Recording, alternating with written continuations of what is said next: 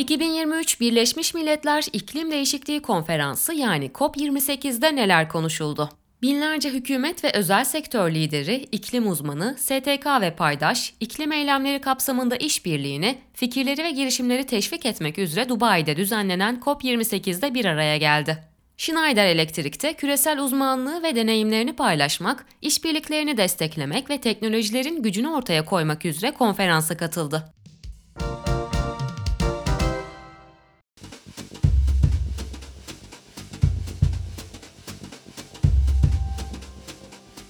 13 Aralık'ta 28.si tamamlanan top zirvesi artıları ve eksileriyle birkaç haftadır dünya gündeminde. Bir petrol ülkesi olan Dubai'de gerçekleşmesi ve konferansların genel olarak işlevini yitirmiş olması gibi sebeplerden sıkça eleştirilen iklim zirvesi aynı zamanda bu senenin konusunu fosil yakıtların fişini çekme olarak belirlemesiyle de uzmanları şaşırtmıştı. Dünya üzerinde eşi benzeri olmayan bir iklim zirvesi olmasına rağmen COP amacına ulaşamamaktan ve biraz da göz boyamaktan eleştiriliyor. Merceğin bu haftaki bölümünde Aposto editörü Tanem Zaman, iklim krizine karşı uluslararası mücadelenin zaman içinde nasıl şekillendiğini ele alacak, iklim krizinin varoluşsal bir mücadeleye dönüştüğü günümüzde bu alandaki en büyük zirve olan Top 28'in çıktılarını değerlendirecek.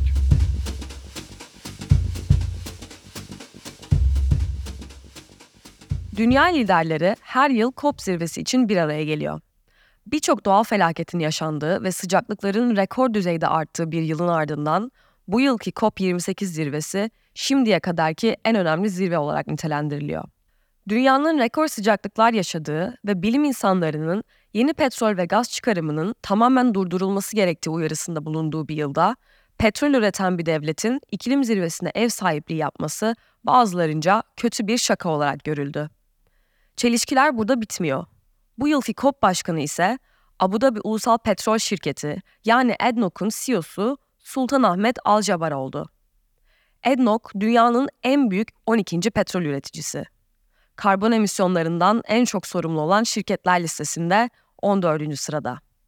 Ayrıca fosil yakıt şirketlerinin petrol ve gaz üretimini artırma planlarına ilişkin küresel bir analizde ikinci sırada yer alıyor. Bununla birlikte yakın zamanda 2027 yılına kadar günde 5 milyon varil petrol üretme taahhüdünde bulunarak genişleme planlarını hızlandırmış olan bir petrol şirketi. Yani iklim krizini körükleyerek büyük kazançlar elde eden bir petrol şirketi yöneticisi, iklim değişikliğine karşı küresel mücadeleyi yönetmek üzere dünyanın en prestijli iklim zirvesine başkan olarak seçildi. Bir tartışmalı iklim zirvesi daha sona ermişken kendimize şu soruları soruyoruz. Bir petrol yöneticisi gerçekten bir iklim zirvesini yönetebilir mi? İklim zirveleri hep böyle miydi? Peki bu zirveler nasıl başladı? Aposto Merceğin bu haftaki bölümünde bu sorulara ve daha fazlasına cevap bulmaya çalışacağız.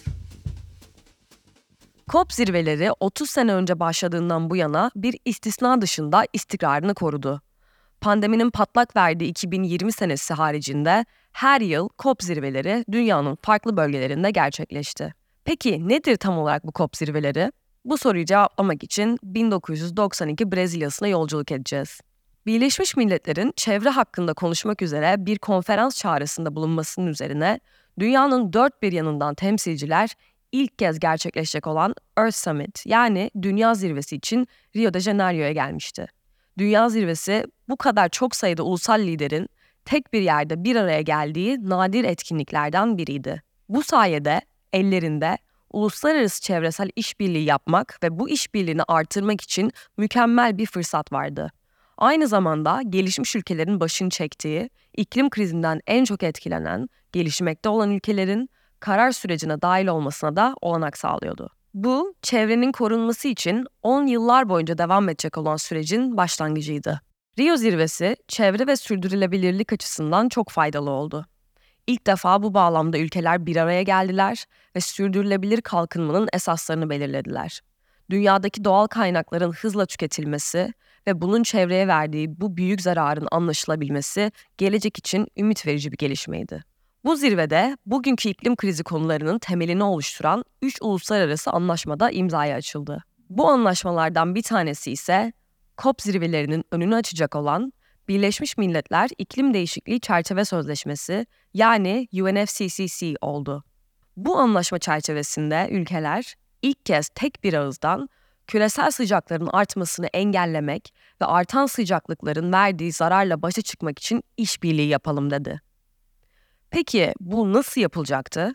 Bu vesileyle Hükümetler Arası İklim Değişikliği Paneli yani IPCC oluşturuldu. IPCC'nin amacı dünyanın dört bir yanından bilim insanlarını bir araya getirerek siyasetçilere iklim değişikliğinin durumu hakkında bilimsel tavsiyelerde bulunmaktı. Bu noktada ellerinde en gelişmiş metotlarla iklim bilimini inceleyen en iyi bilim insanları vardı. Bundan sonra yapılması gereken bir sonraki şey ise herkesin bununla nasıl mücadele edeceği konusunda hem fikir olmasını sağlamaktı. İşte büyük parti de burada başladı. Yani Partiler Konferansı. Yani COP. Partiler yani taraflar müzakere etmek üzere bir araya gelen ülkelere verilen ismi temsil ediyor. Resmi adı Birleşmiş Milletler İklim Değişikliği Çerçeve Sözleşmesi Taraflar Konferansı. Ama bu pek akılda kalıcı değil. O yüzden bu konferanslara kısaca Conference of the Parties yani COP deniyor. COP'lar her yıl farklı bir ülkede gerçekleşiyor. Ülkeler bu iklim zirvesine ev sahipliği yapmak için teklif veriyorlar. Ev sahibi seçilen ülke müzakereleri yönetmek için bir başkan atıyor ve bu başkan tartışılacak konuların şekillenmesine yardımcı oluyor. COP'ların genel amacı UNFCCC'yi imzalayan tüm ülkelerin iklim değişikliğine nasıl uyum sağlayacakları ve bunu nasıl sınırlandıracakları konusunda bir anlaşmaya varmaları. Peki COP'ları kim organize ediyor? COP, Birleşmiş Milletler tarafından düzenleniyor ve sera gazı emisyonlarını istikrara kavuşturmayı ve iklim değişikliğinin en kötü etkilerinden kaçınmayı amaçlıyor. Üye ülkeler, iklim değişikliği ile ilgili politikaları tartışmak için bir araya geliyor ve bir plan üzerinde çalışıyorlar. Bu kapsamda her ülkeye bazı ödevler veriliyor ve bu ödevleri yerine getirmeleri bekleniyor. Sera gazı emisyonlarını nasıl ve ne kadar azaltacaklarına dair bir strateji geliştirmeleri buna bir örnek olabilir. Ülkelerin bu kapsamda verdikleri taahhütler, ulusal olarak belirlenmiş katkılar yani NDC'ler olarak adlandırılan taahhütler oluyor. Bu taahhütler sayesinde ülkelerin ne yapıp ne yapmadıklarını gözlemleyebiliriz. Bu taahhütler esnektir, genellikle ülkenin ne istediğine bağlı olarak her 5 yılda bir veya daha sık olmak üzere güncellenir. İşte COP'un farklı yanı da bu. Bize dünyanın dört bir tarafındaki ülkelerin iklim değişikliğine katkıda bulunmayı sonlandırmak için nasıl ilerlemeler kaydettiklerini gözlemleyebilme fırsatı veriyor. Her 5 yılda bir ise COP zirvelerinde büyük bir açıklama yapılıyor. Global Stocktake yani küresel durum değerlendirmesi anlamına gelen bu inceleme, dünyanın kaydettiği ilerlemeyi puanlama sistemiyle değerlendiriyor.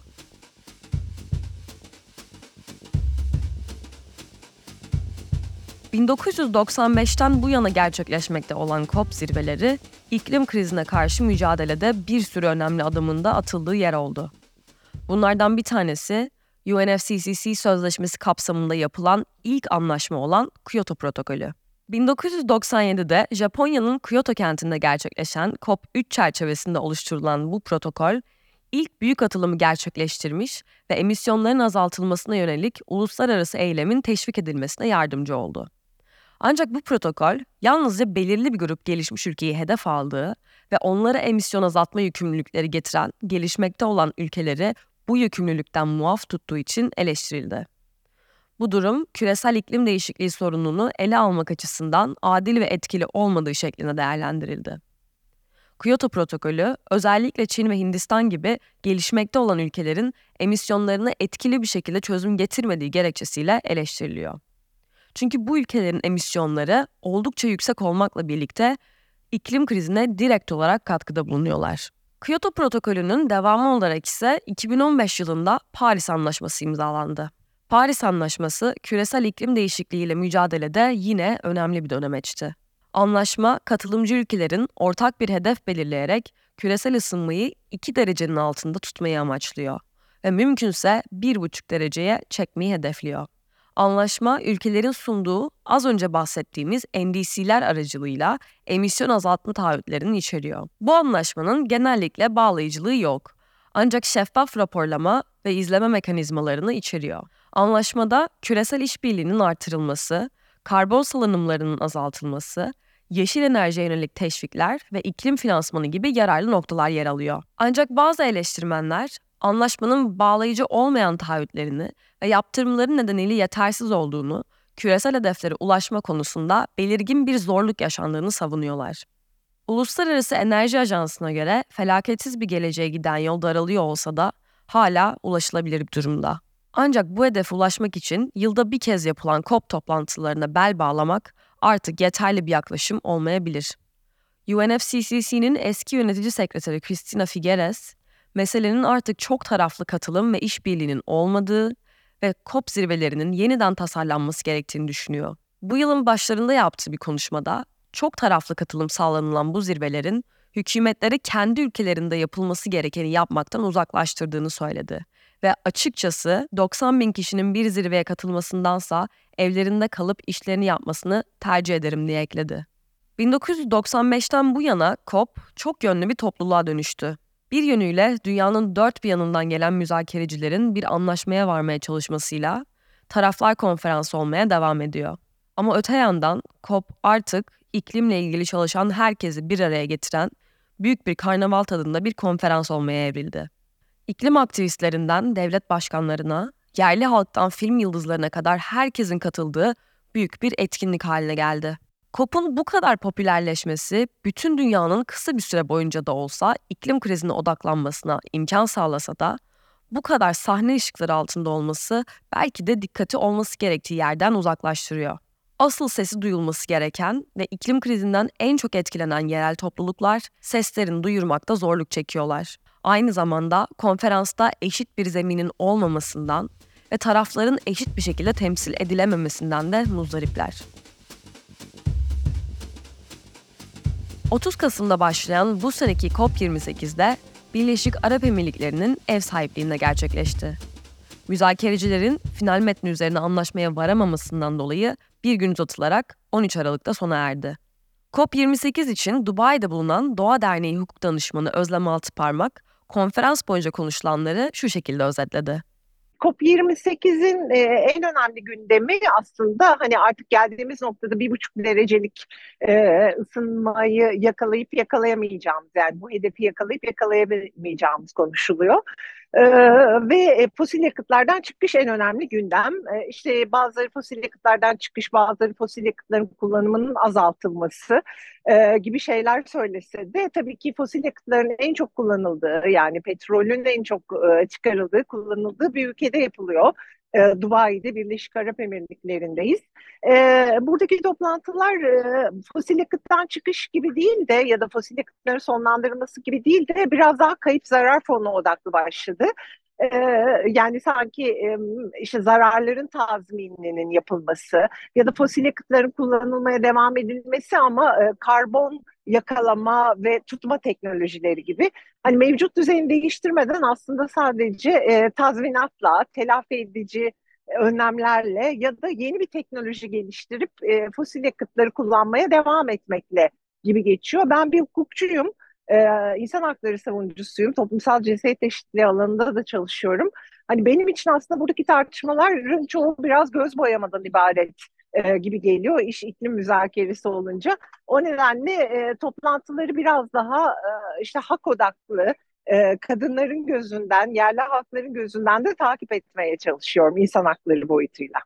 Konferans başlarken iklim aktivistleri ve bilim insanları arasında Birleşik Arap Emirlikleri ve diğer petrol ülkelerinin herhangi bir anlaşmayı zayıflatmaya çalışacakları konusunda derin bir şüphe vardı. Zirveye katılan bilim insanları ve uzmanların çoğu bu şüphelerin doğru çıktığını söylerken, Dubai'deki zirveye katılan İstanbul Politikalar Merkezi'nin iklim değişikliği çalışmaları koordinatörü Ümit Şahin bu olaya farklı bir pencereden yaklaştı blokaj oluşturan ülkelerin ev sahibi olması falan işe yarıyor gibi gelmeye başladı açıkça bana. E, iyimser de diyebilirsiniz ama e, tabii sürekli bunları teşhir etmek, sürekli hem dediklerin hem yaptıklarını ortaya koymak da çok önemli. O, o kuşkusuz.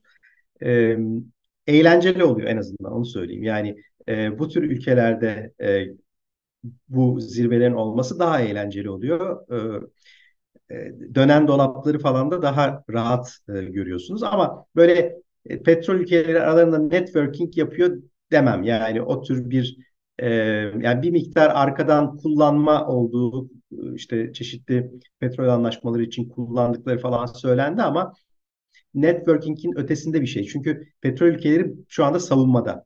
Yani eskiden savunmada değillerdi. Şu anda ciddi anlamda savunmaya çekilmiş durumdalar. O açıdan zevkle izliyorum yani.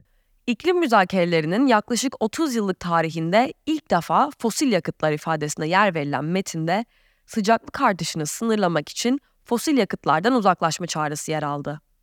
Fakat Birleşmiş Milletler nezdinde çağrı terimi tarafların davet edilmesi veya taraflardan ricada bulunmak anlamına geldiği için uzmanlar fosil yakıtlardan uzaklaşma çağrısının dili yumuşatılarak zayıf bir sonuç ortaya çıkardığını ve küresel ısınmayı sınırlamak için emisyonları keskin bir şekilde düşürmenin sağlanamayacağını söylüyorlar. Bununla birlikte taraflar küresel yenilenebilir enerji kapasitesinin 2030 itibariyle 3 katına çıkarılması ve enerji verimliliğindeki ilerlemenin 2 katına çıkarılması hedeflerini kabul ettiler. Final metninde yer alan başka bir nokta ise kayıp zarar fonunun operasyonel hale gelmesiydi. Geçtiğimiz sene Mısır'da gerçekleşen COP27 zirvesinde masaya yatırılan kayıp zarar fonu bu seneki konferansın başlangıcında onaylanmıştı.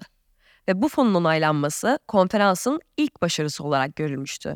Ümit Şahin kayıp ve zarar fonunu şöyle açıklıyor. Şimdi kayıp zarar fonu şöyle bir şey. Aslında en az gelişmiş ve en kırılgan ülkelerin bir anlamda iklim krizine sebep olmayan, tarihsel olarak hiçbir sorumluluğu olmayan ülkelerin en fazla e, bu felaketlerden zarar görmesinden yola çıkılarak çıkmış bir fondur. Yani çıkış yeri Bangladeş. Yani bu fikri ortaya atan kişi e, geçen sene, bu sene vefat etti. Bangladeşli bir önemli bir iklim müzakerecisidir. E, işte Bangladeş'ten, Afrika ülkelerinden, e, okyanusta birkaç sene sonra batacak olan ada ülkelerinden çıkan bir fikir bu. Dolayısıyla buradaki asıl olay Batı'nın yani bugün iki ülkeleri diye de bilinen e, zengin Batı ülkelerinin, Türkiye yok onun içerisinde, e, bu ülkelere bu tür kasırga, sel, e, orman yangını vesaire gibi felaketlere uğradıklarında ya da uğramadan önce e, hazırlıklılık için ya da uğradıktan sonra bu e, felaketlerin e, toparlanması için diyelim e, vermeleri gereken e, finansal desteğin toparlandığı bir fon kayıp ve zarar fonu. Mesela Antigua Barbuda Karayipler'deki bir adadır. E, bundan birkaç sene önce Maria kasırgası oldu. Adalardan bir tanesi yok oldu. Yani Barbuda adası ortadan kalktı resmen. Tek bir e, yapı kalmadı adanın üstünde. E, bunun onarılması için Antigua ve Barbuda e, borç almak zorunda kaldı, kredi almak zorunda kaldı. Yani bütün bu olay buradan çıkıyor. Bu ülkelerin e, borç almamak ya da işte birilerinin yardımına muhtaç kalmamaları için e, bir kayıp ve zarar fonu oluşturuyor. Ancak gelişmiş ülkeler kayıp zarar fonu bağlamında vermeye uygun gördükleri para miktarı konusunda eleştirilmekte. Birkaç ülkenin toplam olarak taahhüt ettiği miktar 700 milyon dolar civarında. Fakat iklim değişikliğinin her yıl yol açtığı tahmini zararın 400 milyar dolar olduğu düşünüldüğünde ortaya çıkan zararın oldukça gerisinde kalıyor. Final metninin kabul edilmesinin ardından COP28 Başkanı Al Jaber, müzakerelerin sonucunu tarihi bir başarı olarak nitelendirdi. Fakat iklim uzmanları bu fikre pek katılmadı. İklim bilimcilerin final metninde parmak bastıkları bir başka nokta ise metinde büyük ölçekli karbon yakalama depolama teknolojileri ve geçiş yakıtları gibi tehlikeli ifadelerinde yer alması. Bu ifadelerin neden tehlikeli olarak görüldüğünü biraz anlatalım. Karbon yakalama, endüstriyel tesislerden veya genel olarak enerji üretimi sonucu ortaya çıkan karbondioksit emisyonlarını atmosferden yakalama ve daha sonra depolama veya başka bir şekilde kullanma sürecini kapsıyor. Emisyonları kontrol etme amacıyla karbon yakalama teknolojilerinin uygulanması, depolama alanlarının olası sızıntıları ve ekosistemlere zarar verme riskleri nedeniyle çevreye potansiyel tehlikeler oluşturabiliyor. Doğalgaz gibi geçiş yakıtlarının kullanımı üzerine eleştiriler de bu tarz yakıtların kullanıma açık olmasının petrol şirket ve devletlerinin bunu bir kaçamak olarak kullanabileceği endişesini taşıyor. Yani geçiş yakıtları dediğimiz şey fosil yakıtlardan temiz enerji kaynaklarına geçişin ara bir aşamasında kullanılan enerji kaynaklarını deniyor. Ancak bu geçiş süreci de çevresel etkilere ve karbon emisyonlarına yol açabiliyor. Bu nedenle uzun vadede sürdürülebilir bir çözüm olmaktan ziyade temiz enerjiye geçişi geciktirip mevcut fosil yakıt bağımlılığını sürdürme riski taşıyabiliyorlar. Özetleyecek olursak bu anlaşma COP zirvelerinin yaklaşık 30 yıllık tarihinde fosil yakıt kullanımını azaltmaya yönelik bir adım atılan ilk anlaşma. Ama bahsettiğimiz adım beklenenden çok daha küçük. Aynı zamanda anlaşmanın son aldığı hal beraberinde Suudi Arabistan gibi petrol devlerinin sondaj çalışmalarına devam etmeleri için geniş bir hareket alanı sağlıyor. Ve bu da ülkeleri ve yatırımcıları önümüzdeki birkaç yıl içinde yeşil enerjiye geçişi nasıl finanse edecekleri gibi büyük bir soruyla karşı karşıya bırakıyor. Aposto Merceğin bu haftaki bölümünün sonuna geldik. Haftaya görüşmek üzere.